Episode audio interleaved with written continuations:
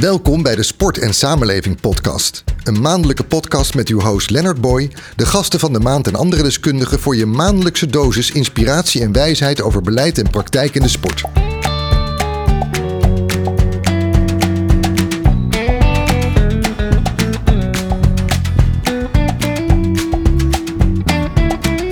In deze podcast bespreken we de ontwikkelingen en uitdagingen van het sportbeleid in de lokale praktijk.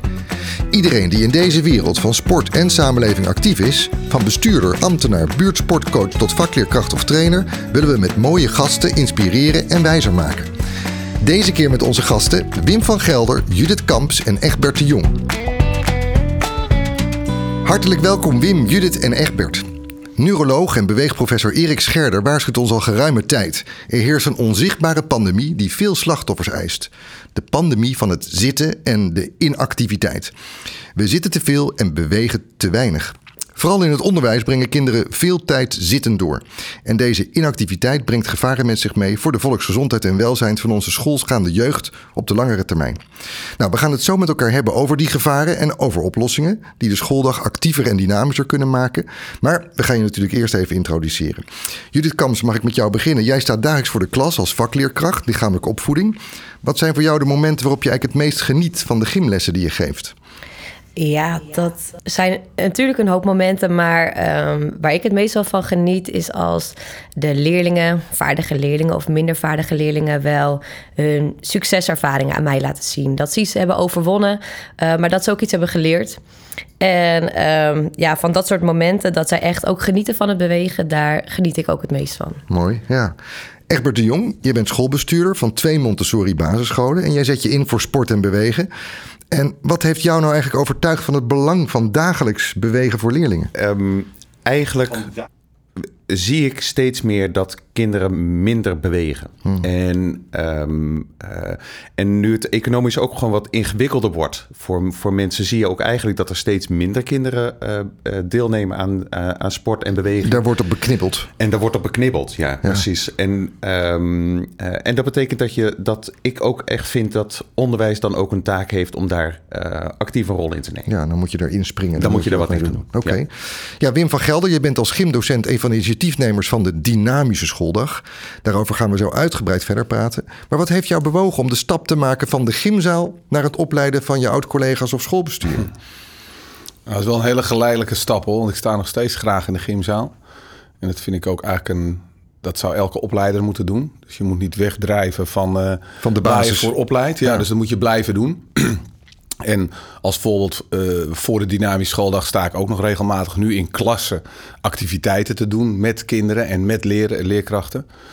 Um, maar het is eigenlijk de gang van de gymzaal naar het schoolplein en zien dat er minder wordt buitengespeeld en uh, dat het enorm impact heeft op de ontwikkeling van kinderen. Tot het feit dat te veel zitten, het welzijn en de betrokkenheid van kinderen schaadt. En ja, dan, je hebt toch een onderwijshart. En dat is dan iets groter dan een gymzaal. En je effect is ook beperkt. Hè? Twee keer in de week 45 minuten. Wettelijk tegenwoordig. Uh, maar als je de hele school meeneemt in een concept, dan uh, bereik je meer. En wanneer was nou voor jou het eerste moment dat je je begon te realiseren... dat gaat achteruit, dat bewegen. Dat, dat, dat normaal in de school ingebedde uh, bewegen op een schoolplein... Op, op, op, bij, de, bij, de, bij de gymlessen. Wanneer zag je dat nou voor het eerst ja. scherper? Ja, ik weet nog heel, heel goed moment. Dat is, dat is denk ik ergens rond 2000 geweest... dat er een paar groep acht leerlingen bij mij niet meer konden fietsen. Hmm. Uh, achterstandswijk in Alkmaar. En toen dacht ik wel, wow... Maar nu gaat je leven er echt heel anders uitzien. Sociaal, bewegend, uh, verplaatsend. Dus uh, dat was een van de heftige momenten. Ik heb nog een hele heftige, dat was uh, drie jaar geleden. Internationale school in Amsterdam. Een school waar ouders heel veel geld betalen om een kind neer te zetten. En daar werd een kind van vier, een gezond kind van vier, naartoe gebracht. Met de mededeling dat hij niet meer kon lopen. Of niet, nog niet kon lopen, moet ik zeggen.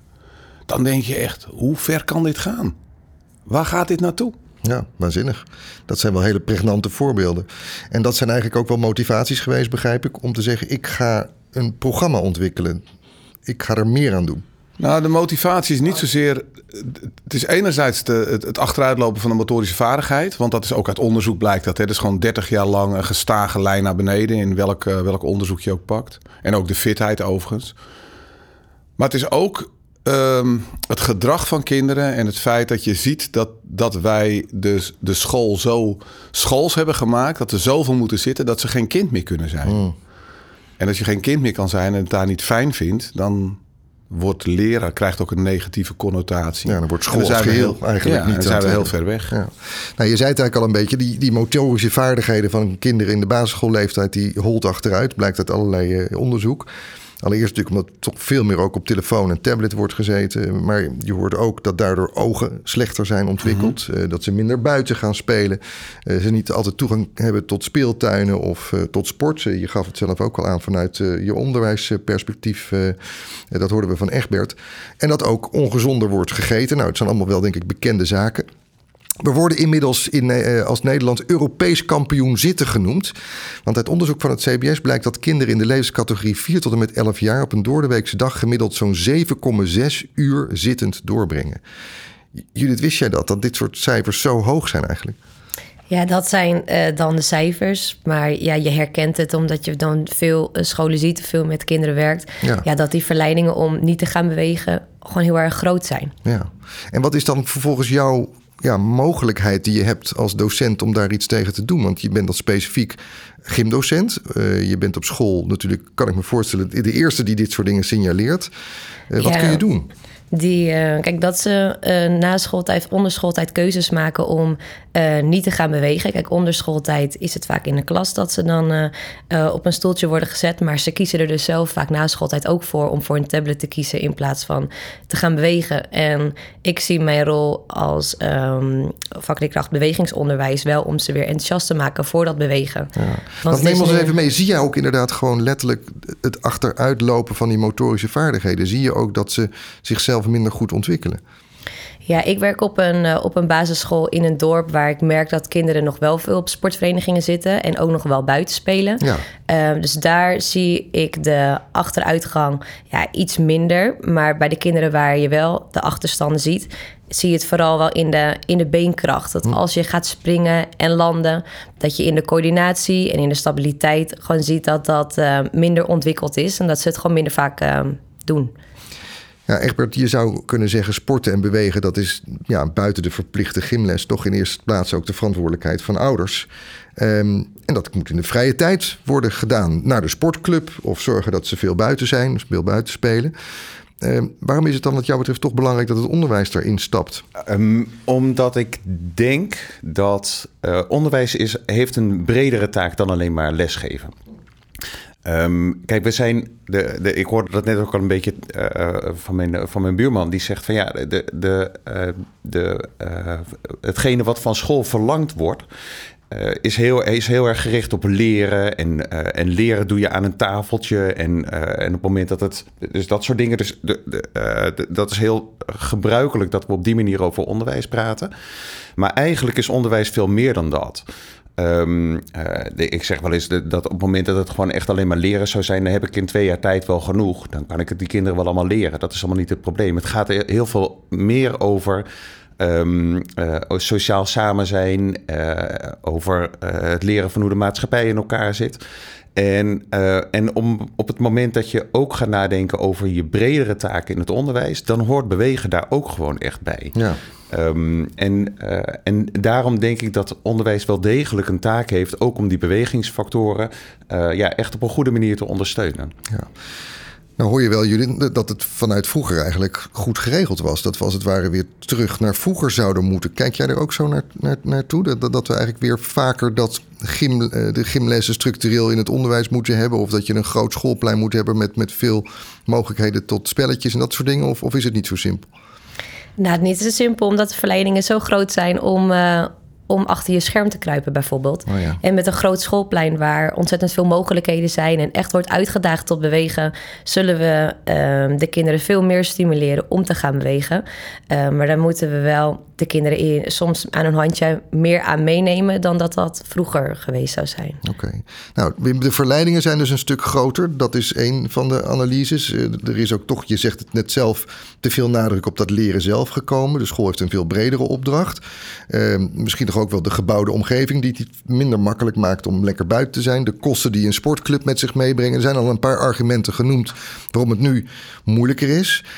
Eh, maar ik krijg ook de indruk dat jij het ook echt zorgwekkend vindt dat het juist die jongere groep is. De leeftijdscategorie waar we het over hebben is toch zeg maar grofweg even 4 tot 12 jaar. Waar het eigenlijk meteen gezondheidsrisico's inhoudt voor de rest van hun leven. Ja, ik moet even terug naar, uh, want dat wordt veel uh, genoemd. Van uh, vroeger was het beter en dan werd er gymnastiek gegeven. Um, dat is niet waar. Het is nu beter geregeld dan vroeger. Op twee manieren, als uitgaan van bewegingsonderwijs. Het is nu bij wet geregeld dat je twee keer de week gymnastiek moet geven. Dat was nooit zo. Er zijn ook meer vakleerkrachten dan ooit. En ik denk ook dat de kwaliteit van de lessen toegenomen is ten opzichte van, denk maar even, 40 jaar geleden stond je gewoon met z'n 30 voor de bok en werd je eroverheen gejaagd. Nou, daar leerde bijna niemand het van. Het was een show-off voor een aantal vaardigen. En het was een trauma voor degenen die niet konden. Dus in die zin zijn we een heel eind opgeschoven. Maar je kunt niet uh, opboksen tegen uh, het gemis aan de hoeveelheid buitenspelen. De, dus dat was uh, tot zeg maar de jaren 80, 90, 25 uur per week per kind. En dat is nu 3,5. 17% van de kinderen speelt niet meer buiten. Um, en buitenspelen heeft niet alleen invloed op je motorische vaardigheid, maar ook op je sociale vaardigheid, op je weerbaarheid. Op uh, de mogelijkheid om uh, risico's te kunnen inschatten, dus om risicocompetenties te ontwikkelen.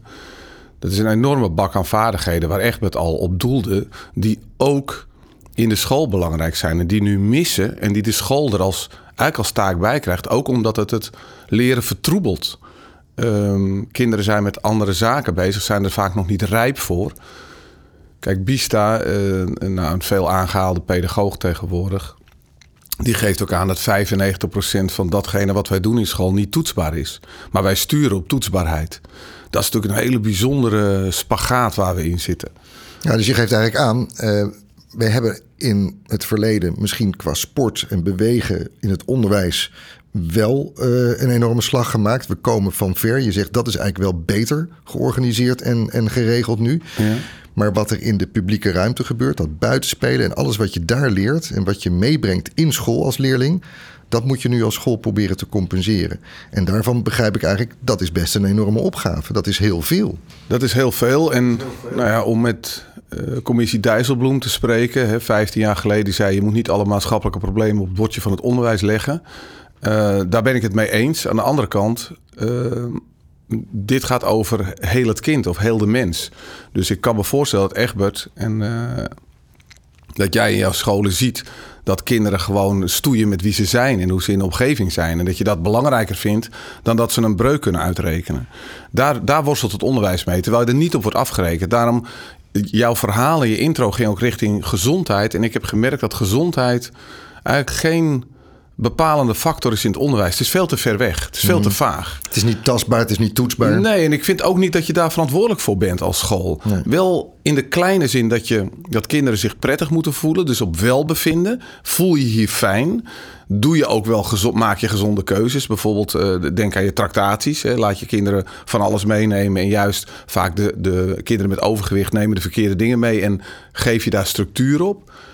Maar verder is welbevinden en betrokkenheid een veel duidelijker en ook, uh, laat ik het even zo zeggen, egoïstischer thema voor een leerkracht. Want hij merkt dat gewoon in de klas. Ja. En hij heeft daar baat bij om dat dingen te veranderen. Want jullie we bespreken eigenlijk gewoon een maatschappelijk ongemak met de vervolgvraag wie moet het oplossen. Het maatschappelijk ongemak, kinderen bewegen steeds minder, komen met minder sociale vaardigheden op school, uh, hebben minder weerbaarheid. Nou, die dingen hebben we net allemaal gehoord. En dan is natuurlijk de hoofdvraag: waar of wie moet dat oplossen? Wat vind jij? Heeft een school daar een belangrijke taak? Ik vind wel dat de school een belangrijke taak heeft, omdat een kind uh, in een week daar veel tijd doorbrengt. Maar ik ben het wel met Wim eens dat uh, je als school het goede voorbeeld geeft en zo nodig kan uh, sturen, maar dat niet daar de eindverantwoordelijkheid ligt. Niet dat het de schuld is van, zeg maar. Nee. En net zoals met het bewegingsonderwijs. Ja, we geven twee keer in de week 45 minuten bewegingsonderwijs, maar ga je daarmee echt um, een kind gezonder maken direct. Dat vind ik niet. Maar je zet wel aan tot bewegen. Je maakt kinderen enthousiast uh, om na de schooltijd of na die gymlessen daarmee verder te gaan. Ja. En dat is hetzelfde als bijvoorbeeld met de gezonde leefstijl waar je het voorbeeld in geeft. Ja, dus je zegt nou, je kunt wel voorbeeldstellend zijn, maar je neemt niet de verantwoordelijkheid over. Nee, nee, nee, absoluut. Want Wim, dan kom ik toch weer even terug bij jou. Jij bent mede-uitvinder van de dynamische schooldag. Ja, het zegt het al, dat gaat dan toch op school gebeuren. Daar is toch het idee, daar gaan we proberen kinderen eh, meer te laten nadenken over hun motorische ontwikkeling, over hun dynamiek, over hun weerbaarheid, hun vaardigheden. Dan is het dus toch de school. Ja, maar wel binnen, binnen redelijke grenzen. Uh, en je ziet ook heel goed in een school. Ik, ik heb denk ik afgelopen jaren 200 scholen begeleid met dit, uh, in dit traject. Om ja, want neem ons eens eerst even mee naar dat concept. Wat is de dynamische schooldag? Um, nou, een dynamische schooldag. Uiteindelijk hebben we tien bouwstenen uh, geformuleerd, gezien. waardoor je een dag minder zittend kan maken. Hm. Laat ik hem even maar zo plat slaan. Dat betekent dat als je een klaslokaal inricht, en dat is niet alleen met tafels en stoeltjes, maar ook met een staattafel of een zitbal um, of een kleedje op de grond, dat geeft al veel meer dynamiek zonder dat dat uh, je lessen verandert. Je kan dezelfde les geven, maar een kind kan dat staand verwerken of die kan op een kleedje gaan zitten. Het betekent wel iets voor je uh, groepsdynamiek en ook voor je uh, klassenmanagement.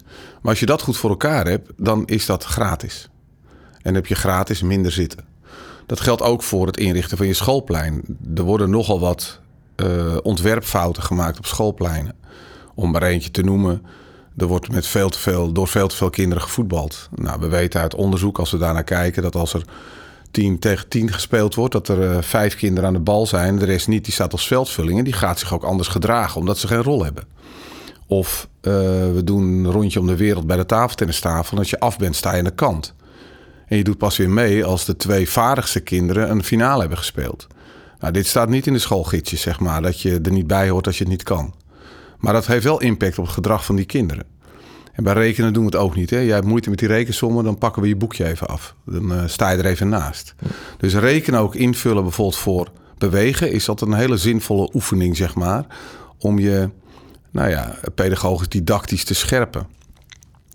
Um, maar dat geldt ook voor het schoolrooster. Dus neem iets als um, een, een, dynamisch rooster. is een rooster waar heel veel afwisseling in zit. En niet te lange blokken zitten.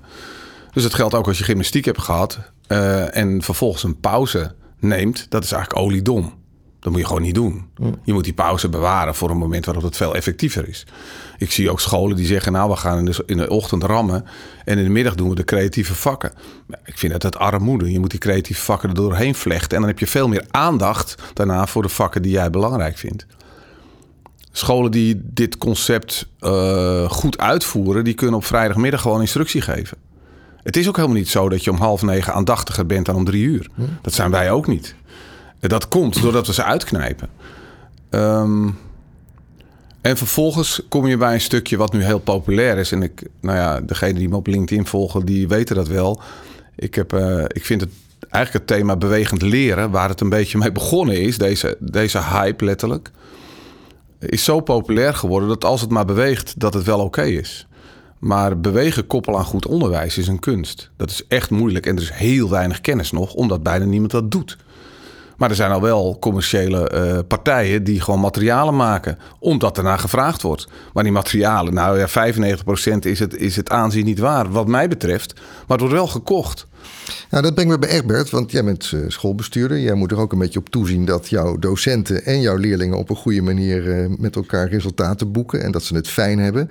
Het klinkt natuurlijk aan de ene kant heel aanlokkelijk om te zeggen: Nou, we introduceren de dynamische schooldag. Klaar. Uh, klaar. Uh, we kopen wat van dat materiaal waar Wim van zegt dat is eigenlijk een hype. Gaan we regelen. En, en mensen ja. springen in het gat. Maar eigenlijk, en dat beluister ik vooral in de woorden van Wim, vraagt het gewoon een heel doordachte aanpak. Om door de hele week heen alles goed met elkaar in verbinding te brengen. Heel diep gaan met elkaar na te denken. En dan kan ik me voorstellen dat het voor een schoolbestuurder weer een, een stuk ingewikkelder wordt. Want ja, dan komen er allerlei andere belangen ook doorheen. Ontzettend. Dus uh, want, nou, het, het klinkt uh, super makkelijk. Maar ja, je bent dus inderdaad gewoon al jaren bezig om scholen hierin te begeleiden. En ik denk ook echt dat dat ook nodig is. Want het heeft de, de, je, eigenlijk je didactische en je pedagogische aanpak gaat gewoon echt anders worden.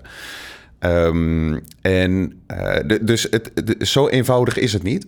Maar het mooie is eigenlijk wel dat je, je het is wel makkelijker om ehm, in ieder geval stappen te maken. Dus, ehm, eh, en er is wel door deze, uh, door bewegend leren, een tendens gekomen waardoor in ieder geval onderwijzers en, en scholen er wel op, over aan het nadenken zijn op welke manier ze het in ieder geval wel uh, diverser kunnen maken dan dat we deden. Want dat is natuurlijk de eerste stap. Ik bedoel, ja. Is er geloof dat dit inderdaad ja. ook werkt? Dat dit een stap is ja. waar kinderen wat aan hebben? Ja, ja dus dat, precies, dat is het. En dat je uh, gaat herkennen, eerst maar eens herkennen dat, het, ehm, dat we een heel zittend uh, onderwijssysteem zijn geworden. Ja. En, en op het moment dat je dat herkent en gaat erkennen, dan zullen we ook daar vandaan. Dan kan je pas eigenlijk de eerste stap maken naar ja. dat het ook een keer anders kan. Ja, dus dat inzicht moet wel er eerst dus zijn. Dus eerst dat inzicht, ja. En dan zeg je, dan staan mensen er ook wel voor open om een aantal van die elementen die, die, die Wim nu introduceert te gaan overnemen. Ja. Maar dan komt het denk ik ook wel op jou aan als bestuurder om eens heel goed te kijken van hoe doe je dat nou op een verantwoorde manier, zodat iedereen er ook aan kan wennen, er ja, zich over wil ontfermen. En dat je er niet een soort van quick fix van maakt van oh nou ja, we kopen wel wat in. Dat klopt. De, de basis van, van onderwijs is heel snel dat we inderdaad gewoon iets kopen en dan bij onszelf denken van nou, dan hebben we wat gekocht. En, dan, uh, nou, en heel vaak staat het dan ook in een kast. Um, en, en levert het uiteindelijk niet zo vreselijk veel op. Dus, en, en, en dat komt eigenlijk omdat we. Um, dan heb je, dus op het moment dat dat gebeurt, dan hebben we eigenlijk niet erkend dat het probleem er is. Ja. Um, op het moment dat je gaat erkennen dat het probleem er is, dan wil je er ook echt wat aan gaan doen. En dan heeft het nog wel te maken, en dat is een beetje ellende in het onderwijs op dit moment, dat er heel veel op het, onder, op het programma uh, terechtkomt. Ja, er moet ook al zoveel anders. Er moet heel veel. Ja. Um, uh, de hoeveelheid leerkrachten is natuurlijk ook echt een zorg. Uh, dus ik, ik, hoorde jou net zeggen van ja, de, de, je hebt vijf, twee keer 45 minuten bewegingsonderwijs in ieder geval in de week door een, door een, een bevoegd gymdocent. Maar zie ze maar eens te vinden. Er zijn er wel veel meer gekomen, maar de, hoeveelheid, de, de zorg is echt heel groot. De vraag is groot. Ja. ja, echt. Het is enorm. Ja. Want Judith, als je dit zo beluistert en hoort, dan komt er ook eigenlijk heel veel op een gymdocent af. Als er inderdaad sprake zou zijn van de dynamische schooldag als concept, bijvoorbeeld bij jou uh, in jouw eigen school dan gaat het opeens niet meer over die twee keer 45 minuten. Maar dan gaat het eigenlijk over een integrale benadering van het bewegen in het onderwijs. Heb je daar inmiddels ervaring mee, hoe dat werkt? Ja, en ik zou eigenlijk dat er, willen dat er nog veel meer op me afkwam. Dat je echt als sportprofessional daar de speel in het web van bent eigenlijk. Ja. Dat ik juist die hulpvragen krijg van... goh, we willen hiermee aan de slag en uh, help ons daarmee. Ja. En als um, buurtsportcoach heb ik daar veel meer ervaring mee. Omdat daar juist de scholen uh, of met een hulpvraag komen... of we in ieder geval daar aan tafel kunnen komen. Um, omdat er bijvoorbeeld een probleem gesignaleerd is... of um, ze iets hebben gehoord van een andere school... wat ze ook heel erg graag zouden willen. En daar zijn we dan in gesprek met of directies... of een uh, groep vertegenwoordigers... waarmee we bepaalde projecten op kunnen zetten. Wat allemaal uh, in het teken staat van meer bewegen. Ja, dus je zegt vanuit je buurtsportcoachrol uh, zijn scholen je aan het benaderen. Daar komen die vragen. Maar binnen een school is het dan toch eigenlijk nog een beetje, ik zeg het even in mijn woorden, een beetje ieder voor zich. Dan zit iedereen in zijn eigen hokje. Ja, maar als uh, vakleerkracht heb ik daar ook uh, nog niet heel veel tijd en uren voor om echt daadwerkelijk daar met het team mee aan de slag te gaan. Ja. Um, dus Zou je, je dat willen? Ja, heel erg graag. Dat is Want iets jij ziet kansen. Precies, ja. ja. En je ziet als beweger ook zelf wel het probleem. En je ziet ook onrust bij kinderen die... Uh, je ziet dat ze meer willen bewegen... en uh, minder lang zich kunnen concentreren als ze stilzitten. Uh, dus ik zou daar zeker wel meer in, uh, in willen betekenen. En wat zouden voor jou logische eerste stappen zijn... waarvan je zegt, nou, dat kan ik eigenlijk wel morgen regelen? Ja, de stappen die ik het makkelijkste kan regelen, zijn eigenlijk uh, de stappen waar ik nog een beetje wegblijf van het daadwerkelijke lesgeven van de leerkrachten. Dus dat het gaat om goed bewegingsonderwijs, maar ook het stukje schoolpleinontwikkeling. Dat op het schoolplein in ieder geval zoveel mogelijk bewogen wordt. En dat de structuur daar is dat ook daadwerkelijk iedereen kan bewegen. Dat zijn de stappen waar ik als um, gymleerkracht wel al op in kan stappen. Ja. Nou, Wim, als ik dit zo beluister, dan zeggen de mensen die in het onderwijs staan, en jij staat er met één been in, hè, dus ik bedoel iedereen hier betrokken, dat is mooi. Maar, maar, maar, maar er wordt in ieder geval gezegd, nou, we staan er zeer voor open. Er komt wel heel veel op ons af. En dit is daar dus ook zo'n voorbeeld van. Eh, het is in het onderwijs in te bedden, maar dan moet je er inderdaad echt heel integraal naar kijken. Dus overleg met alle docenten samen. Dan zou er veel initiatief vanuit de, de vakleerkracht kunnen ontstaan. Maar dan moet je er ook uren voor krijgen, dan moet je voor betaald worden. Ehm, en nu zijn dat eigenlijk kleine stapjes die we, die we kunnen zetten. Dat is, dat is even de, de tussenstand, zal ik maar zeggen. Um, als we nu wat verder kijken naar de komende tijd, wat er zou moeten gebeuren. Want de cijfers zijn nog steeds heel duidelijk. Er wordt te weinig bewogen. Die kinderen komen niet goed uit de verf. En hun ontwikkeling komt daarmee ook onder druk te staan, ook voor de langere termijn. Um, wat is dan wat jou betreft een, een, succesvolle invoering van een dynamische schooldag in Nederland? Hoe, hoe, moeten we dat voor ons gaan zien? Hoe moet dat in de praktijk worden gebracht?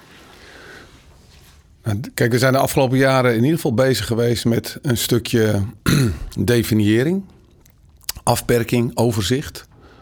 Ik denk dat het heel veel geholpen heeft. We hadden net al uh, tijdens de intro zo'n gesprek over wat is bewegen eigenlijk, ja. bijvoorbeeld.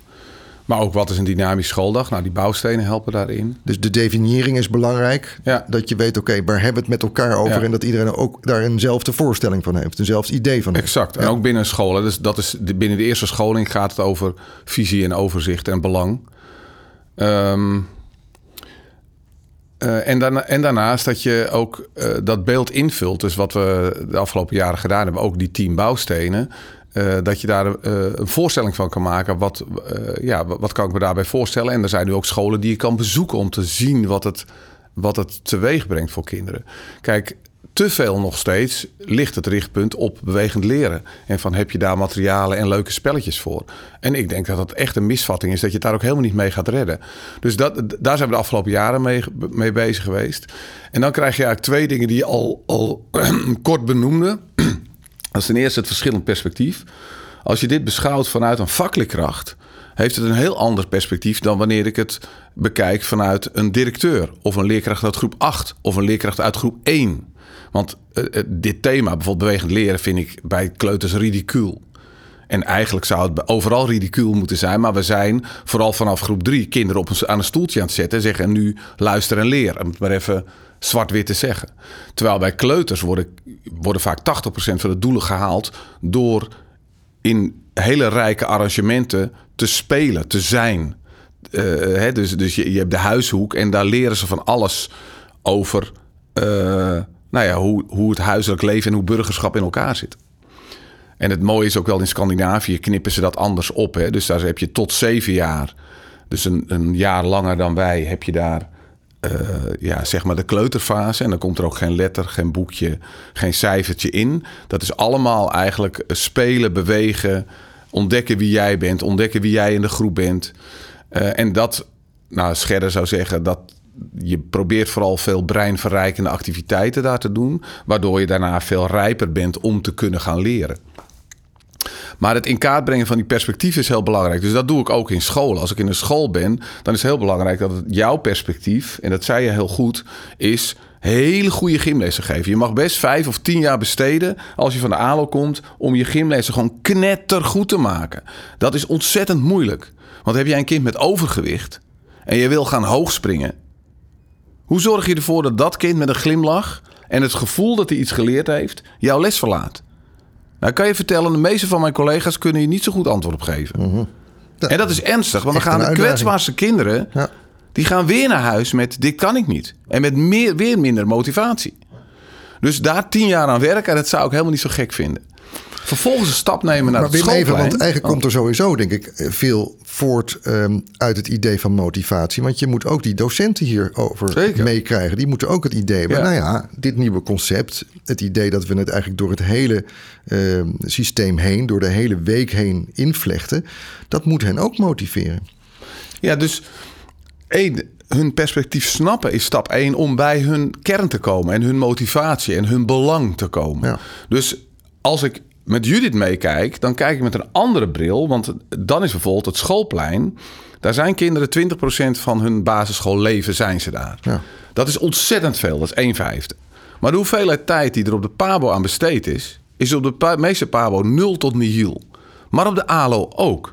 Dus ik heb echt moeten leren wat de groepsdynamiek en wat de principes op een plein zijn. Nou, ook daar hebben we inmiddels een mooie artikel over geschreven. Maar dat betekent niet dat als je één plein kent, dat dat je gelijk een rijk palet geeft aan mogelijkheden. Ik heb zelf heel veel geleerd van het op honderden pleinen kijken met een team. Wat gebeurt hier nou? En dan die, die groepsdynamiek daar ook. Want het mooie is, het plein is de lakmoesproef van jouw sociaal vaardigheidsprogramma, maar ook van je pedagogisch klimaat. En wat blijkt uit de meeste onderzoeken? Dat kinderen op het plein zich minder veilig voelen tot niet veilig voelen. Dat betekent dat ze in de klas toneel spelen. Of dat ze onder jouw structuur zich anders gedragen. Dat is eigenlijk heel erg. Egbert, hoe kijk je hiernaar? Als je de bril even meekrijgt van, van Wim, die dat helemaal nauwgezet heeft, heeft bekeken van wat gebeurt er aan dynamiek op een schoolplein. Hoe kan je eigenlijk die, die motivatie zo hoog mogelijk krijgen? Enerzijds bij docenten, maar anderzijds ook bij kinderen zelf. Nou, en dan sowieso al, hoe zijn die schoolpleinen überhaupt ingericht? Mhm. Eh, de, eh, ik ga geen klaagverhaal houden over eh, welke middelen eigenlijk een, een, bestuur krijgt om een schoolplein in te richten. Maar op het moment dat je een nieuw schoolgebouw krijgt, dan wordt er vaak een klimtoestelletje neergezet en twee lijnen op het schoolplein gezet. En daar mag je het mee doen. En, maar eigenlijk ga, begint daar de armoede al. Dus de, ehm, er wordt echt heel slecht nagedacht over hoe een, de totale omgeving, de totale leeromgeving van kinderen er eigenlijk uitziet. Ja. En, en dat zorgt er echt gewoon onmiddellijk voor dat er gewoon heel weinig bewegingsactiviteit op zo'n uh, op zo'n plein is. En daar komt dan ook nog een keer bij dat we in. Uh, we, we, we, hebben heel erg een prestatiemaatschappij gecreëerd met elkaar. Wat er ook nog een keer voor zorgt dat, het, dat alle spelletjes gaan om winnen en verliezen. Um, uh, ook iets wat we heel erg in stand aan het houden zijn in, uh, in de wereld. En dat betekent dus dat bijvoorbeeld een, een spel wat we, wat we met elkaar aan het spelen zijn, wat, ik, wat je net zo mooi aangaf, rondje rond de tafel, voetballen, iets in die trant. Dat gaat de hele tijd maar over, er moet gewonnen worden. En, en de, er is echt een soort intrinsieke motivatie bij een aantal kinderen om. Uh, om gericht te zijn op winnen. Maar Wim zegt ook, er is een steeds grotere groep die daardoor het gevoel heeft te verliezen. En daardoor sta je er dus buiten. Letterlijk buiten Precies, staan. Het gevoel ja. ook krijgt van ja, eigenlijk kan ik niks goed. Ja. En dat soort vaardigheden dus ook leren. Dus dat, dat we met kinderen gewoon ook eigenlijk uit dat ritme komen. En dat we eigenlijk met elkaar gaan kijken van nou, wanneer is uh, wanneer heb je plezier in, uh, in bewegen? En op welke manier kan je dan, is, het, is het voor iedereen ook leuk en kan iedereen ook echt daadwerkelijk meedoen? Ja. En het woord wat daarbij hoort is sparren. Hè? Dus het hoogste niveau van sportiviteit in het leven staan is sparren. Ja. En daar hoort ook plagen bij, zeg maar. Dat is, dat is een grappige combinatie, sparren en plagen. En als je dat niet doet, dan wordt het wedstrijd en pesten. Ja. Okay. En dat, dat is precies het, het scheidsveld. Dan kijk ik weer even naar Judith, want jij moet het uiteindelijk voor een groot gedeelte in de praktijk kunnen brengen. Uh, heb je daar, vind je, nu de, de, de, tools voor? Heb je voldoende mogelijkheden om in jouw rol bijvoorbeeld zoiets te veranderen als hoe we met elkaar omgaan in het competitieve, in het omzetten van het spelletje winnen naar het spelletje samen spelen? Ja, bewegingsonderwijs is daar een super mooie plek voor om dat met de leerlingen te gaan uh, ontwikkelen eigenlijk. En ook bespreekbaar te maken. Um, hoe iemand zich voelt en waarom je bepaalde manieren reageert. Dat komt in een uh, gymles heel erg veel voor. Maar dat komt ook heel erg veel voor op een plein bijvoorbeeld. En daar ben ik het met Egbert eens van de mogelijkheden die we zelf zien. Daar wordt enorm op beknibbeld in de, in de mogelijkheden wat daadwerkelijk uitgevoerd kan worden. Ja. Als je het hebt over schoolpleinontwikkeling of ik heb nu ook te maken met een nieuwbouw, waarbij we een schoolplein kunnen uh, inrichten eigenlijk. Maar de aantal vierkante meters die je krijgt per leerling is zo klein vanuit de gemeente, dat je eerst nog daar moet overtuigen wat, wat het belang is van überhaupt het bewegen op een plein en wat daarvoor nodig is. Ja, en dan hebben jullie ook nog zoiets als een beweegteam, heb ik begrepen. Wat, wat moet dat in gang zetten? Wat doet dat? Uh, op een school is het wenselijk als je een beweegteam heeft. Dat heeft lang niet uh, alle scholen. Uh, maar bij een beweegteam kun je het stukje visieontwikkeling met elkaar maken, waardoor je ook andere leerkrachten, die misschien niet in het beweegteam zitten, kan overtuigen en ook mee kan krijgen in de plannen die daar wellicht gemaakt worden. Veel leerkrachten die hebben het op een bepaalde manier geleerd. Maar er zijn een tal van onderzoeken verder waarbij je toch uh, ook hun mee wil krijgen in het stukje meer bewegen door de dag heen. De dynamische schooldag. Met andere woorden, wat ik jullie allemaal hoor zeggen is... we moeten de luisteraars er vooral van overtuigen... dat die dynamische schooldag niet een simpel lespakketje is... en ook niet moet worden verward met het idee... als je maar een beetje beweegt tijdens het rekenen, dan komt het wel goed.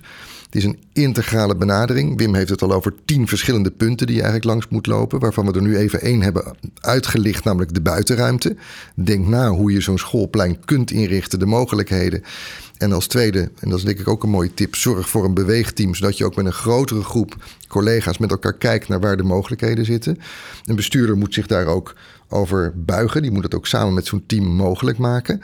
Um, ik kan me voorstellen dat we de rest van ons gesprek moeten besteden aan goede tips die mensen kunnen helpen om dit ook in de praktijk te gaan brengen. Mensen die dit nu beluisteren denken, goh, hier, kan ik wat mee, daar moet ik wat mee. Wat zijn in ieder geval, Wim, als ik met jou mag beginnen, een aantal gouden tips of regels die jij hebt opgedaan tijdens bezoeken van al die verschillende scholen die inmiddels een dynamische schooldag hebben? Wat zijn de belangrijkste tips die je ons kan geven?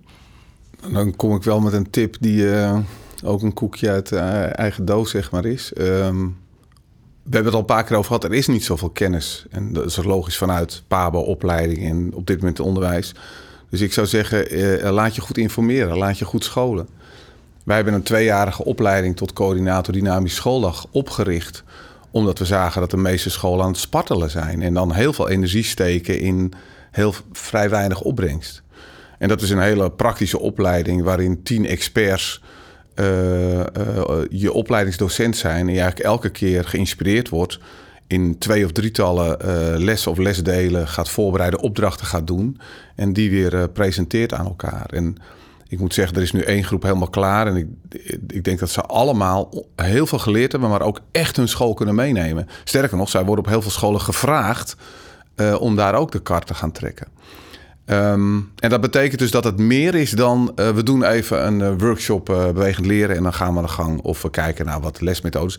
Het is, en het is ook lange adem. Dat is bij alle onderwijsvernieuwingen. Dus dat is helemaal niet anders als jij. En is het dan verstandig om je als docent voor zo'n opleiding die jij nu noemt aan te melden? Of is dat eigenlijk iets wat een bestuurder zou moeten doen? Omdat je dan van bovenaf dat in een school kan introduceren. Want anders zeg je misschien toch ja. tegen windmolens. Ja, het wordt verschillend gedaan. Kijk, de, de, de, het mooiste is, er zijn nu vier of vijf besturen in Nederland die dit hebben, echt hebben omarmd.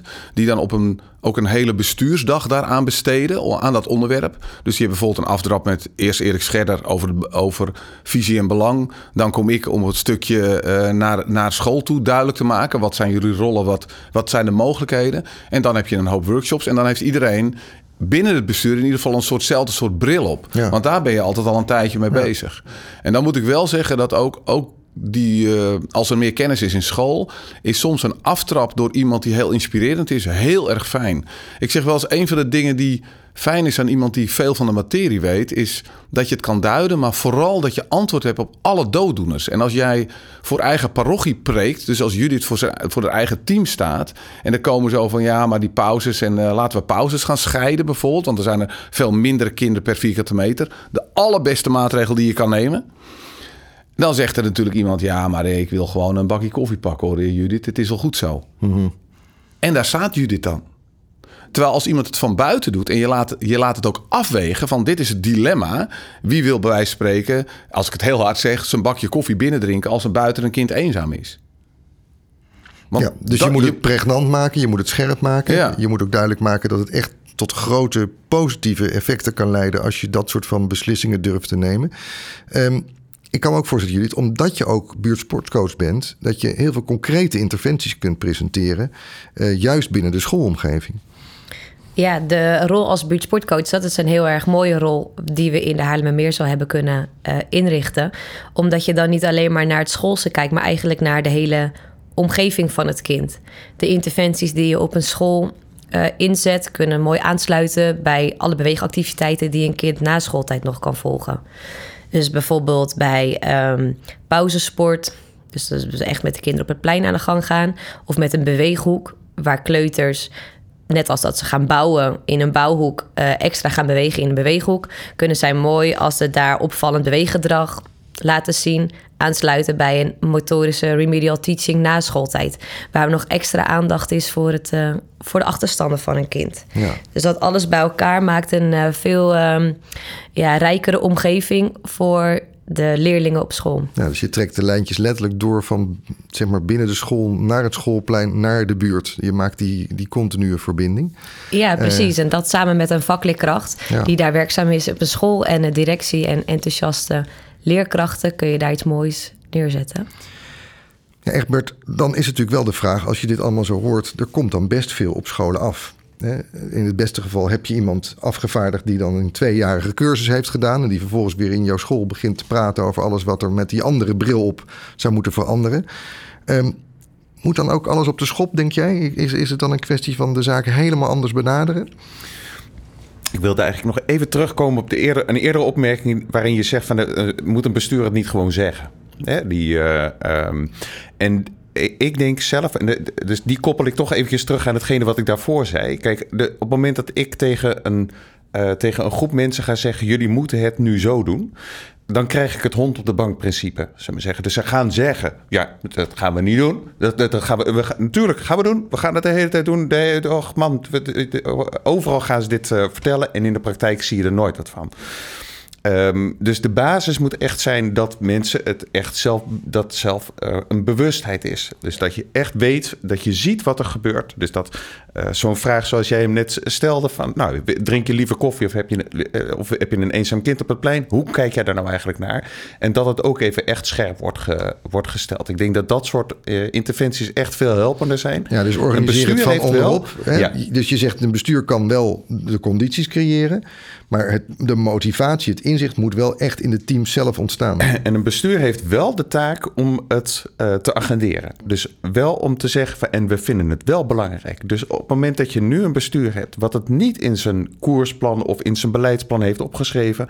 dan zit daar echt wel een zorg. Want op het moment dat dat niet gebeurt... dan gaan er ook geen faciliteiten komen. Dan gaat er dus ook geen nadruk komen. Er wordt er ook geen financiering aan, aan vastgeplakt. Dat soort dingen allemaal. Dat is echt belangrijk dat dat, eh, dat, dat gebeurt. Maar vervolgens is er echt een urgentie vanuit de organisatie zelf nodig. En dan is er nog één dingetje, dat wilde ik ook nog Nee, nee, aangeven. Wat jij zegt, daar, ik ben op 200 scholen ben ik, eh, ben ik bezig. En dit is een beetje eh, de manier waarop we in het onderwijs namelijk aan het werk zijn. We vinden het allemaal belangrijk dat we heel erg eh, kijken naar dit is de maatschappij en we doen dit met elkaar. Alleen scholen doen het niet met elkaar.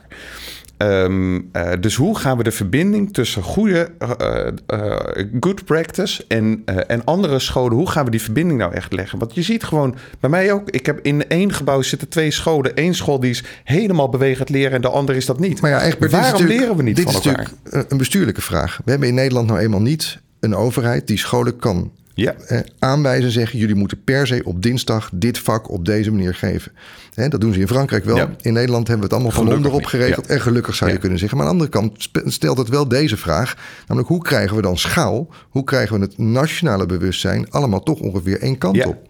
Ik denk in ieder geval dat besturen bijvoorbeeld ook echt met elkaar samen gaan werken. En dat betekent dat, dat we echt met elkaar moeten, moeten aanvaarden dat dit bijvoorbeeld een opdracht is.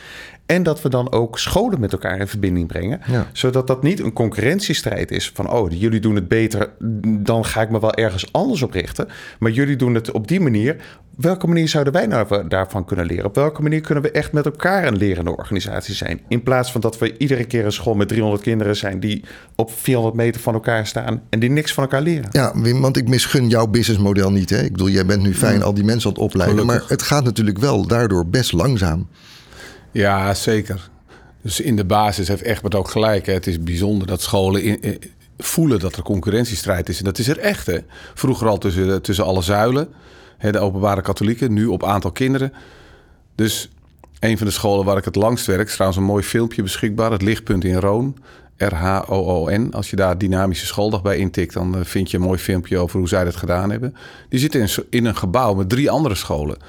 Die drie andere scholen die hebben op geen enkele manier, ondanks dat deze directeur daarvoor open stond, mee geprofiteerd van het hele proces wat zij hebben gelopen. En waarschijnlijk zijn er op die andere scholen andere processen waar deze school weer van kan leren. Het is echt waanzin. Dus die schotten moeten we echt laten vallen en van elkaar leren. Ehm, en het, eh, het schaalvergroten, dat, daar, daar, eh, nou, op een aantal manieren lukt dat wel. Ik werk inmiddels samen met vier lectoraten. Eh, dat is heel fijn dat, eh, eh, dat op die manier het ook vergroot wordt. Onderzoekers op hogescholen die je mee kunnen helpen om het zeg maar, kennisniveau te vergroten. Ja, dus om artikelen te schrijven, om duiding te doen, om onderzoek te doen. Van nul metingen op scholen, dan één meting. En wat is er veranderd? Wat vinden leerkrachten eigenlijk? Uh, en we gaan ook uh, samen met hun iets ontwikkelen wat wat kleiner is dan die tweejarige opleiding, maar om die stap te maken naar meer kennis in de scholen. Er is bij de overheid veel belangstelling voor, ook bij de huidige initiatieven. Denk aan uh, JOG, Jongeren op Gezond Gewicht, Gezonde School en Gezonde Basisschool van de Toekomst. Dat zijn drie ja, weer allemaal anders ingestoken initiatieven die ook wel zien dat... En denk ook aan de KVLO, de vakbond voor leraar lichamelijke opvoeding, die vol 2 plus 1 plus 2 als credo We doen in ons land toch graag allemaal weer net even iets anders. Exact. En, en we zijn elkaar wel meer aan het opzoeken. En ik denk dat ze ook zien dat dit thema heel veel impact heeft. Veel meer vaak dan de initiatieven die zij tot nu toe hadden. Omdat het een integraal uh, concept is. En niet even een appeltje tussen de middag, want dan eten we gezonder. Ik heb jullie allemaal horen zeggen, de urgentie is bekend. we moeten, want kinderen zijn op dit moment echt in een gevarenzone beland als het gaat om hun ontwikkeling op motoriek, op gewicht, op uh, de manier waarop ze zich voor de toekomst gaan voorbereiden qua samenleven. Uh, en de weerbaarheid op dat gebied die neemt gewoon af. Dus dat is, daar, daar is volgens mij geen enkele discussie over. Jullie hebben ook hele mooie voorbeelden gegeven over wat je er tegenin kan brengen goed opgeleide gymdocent die mooie lessen geeft. En daarvan horen we gelukkig dat is echt beter dan 30 jaar geleden. Een bestuurder die zegt daar moet je achter staan, maar je moet het niet voorschrijven, maar met het team samen eigenlijk ontwikkelen. En Bim die aangeeft er zijn nu voldoende instrumenten ontwikkeld vanuit die tien verschillende domeinen. Er zijn ook opleidingen waar mogelijkheden zijn om mensen in de school te gaan brengen. Maar ik hoor jullie ook zeggen, het gaat nog niet snel genoeg. De schaal waarmee we dit doen is eigenlijk nog te beperkt. Het antwoord is samenwerken, van elkaar leren. Niet allemaal het wiel zelf proberen uit te vinden. Het betekent ook integraler denken en meer ruimte bieden aan die vakleerkrachten in scholen om initiatief mogelijk te maken. En dat kan letterlijk al zijn hoe je het schoolplein in eh, gaat richten, tot en met hoe je de dag inricht. En uiteindelijk een overheid die dan toch al die verschillende projectjes weer bij elkaar moet vegen en zeggen: we hebben nu langzamerhand een door de wetenschap ondersteunde ontwikkeling, aanpak die werkt. Ga het nou ongeveer zo doen met elkaar. En dan heb ik eigenlijk nog maar één laatste rondje. Wat is de laatste gouden tip die nu nog niet op tafel is geweest? Wat zou je nog mee kunnen geven voor de luisteraars? Mag ik met jou beginnen? Ja, we zeggen van het gaat allemaal nog niet snel genoeg. Maar mijn gouden tip is ook om het juist uh, rustig aan te pakken. Om een beweging met je, met je team, met je beweegteam, een meerjarenplan te gaan maken. Om uh, ergens een stip op die horizon te zetten. En juist door middel van die onderzoeken en artikelen te laten zien van het meer bewegen gaat niet ten koste van uh, je rekenen resultaten of je taalresultaten, maar het bevordert alleen maar. Dan krijg je stapje voor stapje het team echt wel mee, maar niet als je daarin te snel gaat. Oké, okay, goede tip. Wim? Ja, ik moet Judith, je zei het bijna helemaal goed. Het is best wel een interessant stukje over leerresultaten. Uh, alles wat je eh, aan bewegen toevoegt en er misschien aan tijd afhaalt voor rekenen en taal, uh, wordt in geen enkel onderzoek een achteruitgang in leerprestatie gevonden, maar niet altijd een vooruitgang. Er zit wel veel vooruitgang in die 95% andere uh, ontwikkelingsgebieden die we graag ontwikkelen bij kinderen. Um, dus, dus dat daar heel veel positieve resultaten aan zitten, dat is, dat is waar. Um, en iets anders, misschien mag ik daar dan ook nog een gouden tip aan koppelen. Het feit dat ze die resultaten nog niet vinden, heeft ook te maken met het feit dat er nog maar heel weinig scholen onderzocht zijn die het ook goed doen. Mm. Dus er zijn heel veel mankerende concepten onderzocht.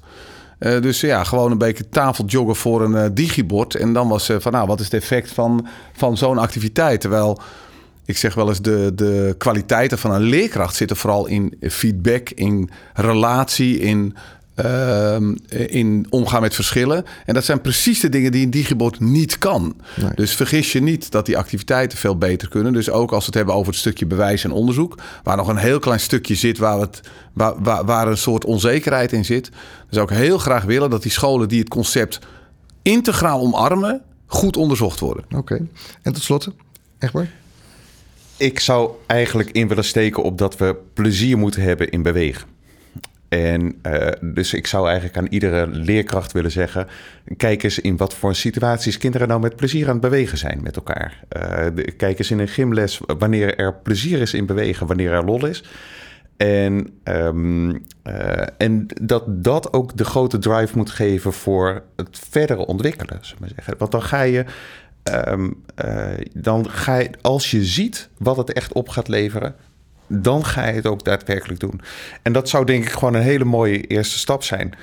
En dan vind ik ook nog dat we iets minder op prestatie gericht moeten zijn. Maar dat we echt meer moeten, moeten richten op. Dus echt hoe, hoe bewegen bijdraagt aan sociaal samen zijn. Nou, mooie tips. Ja, mag ik er ehm, eentje aan toevoegen? Dat is wel leuk. Uh, het gaat om prestaties. Kijk, ik voel bij jou echt dat jij inderdaad zelf doordrongen bent van het feit... als dit goed zit, is de basis goed. En gaan ze ook veel leren en staan ze beter in het leren.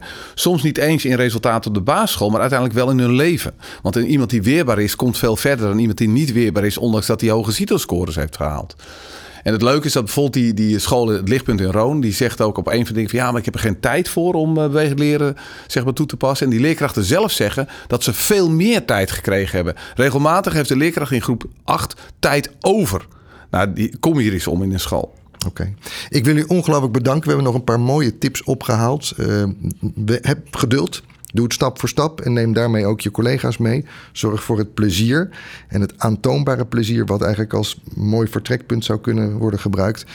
En hou het onderzoek daarop scherp. Wat werkt wel en wat werkt uiteindelijk niet. Um, Egbert, Wim en Judith, ik wil jullie heel erg bedanken voor dit gesprek. Dank jullie wel. Graag gedaan. Graag gedaan. Onze podcast zit erop. We hopen dat je bent bijgepraat. Voor meer informatie, tips en vragen verwijs ik je graag naar het e-mailadres podcast.teamsportservice.nl. Simone de Bruin, onze eindredacteur, staat altijd open voor goede adviezen en ideeën. Deze podcast is een initiatief van Team Sportservice, uitvoerder en adviseur van sportbeleid in de lokale praktijk en de provinciale sportorganisatie van Noord-Holland, Zuid-Holland en Utrecht. En voor nu wens ik je een bewegelijke dag.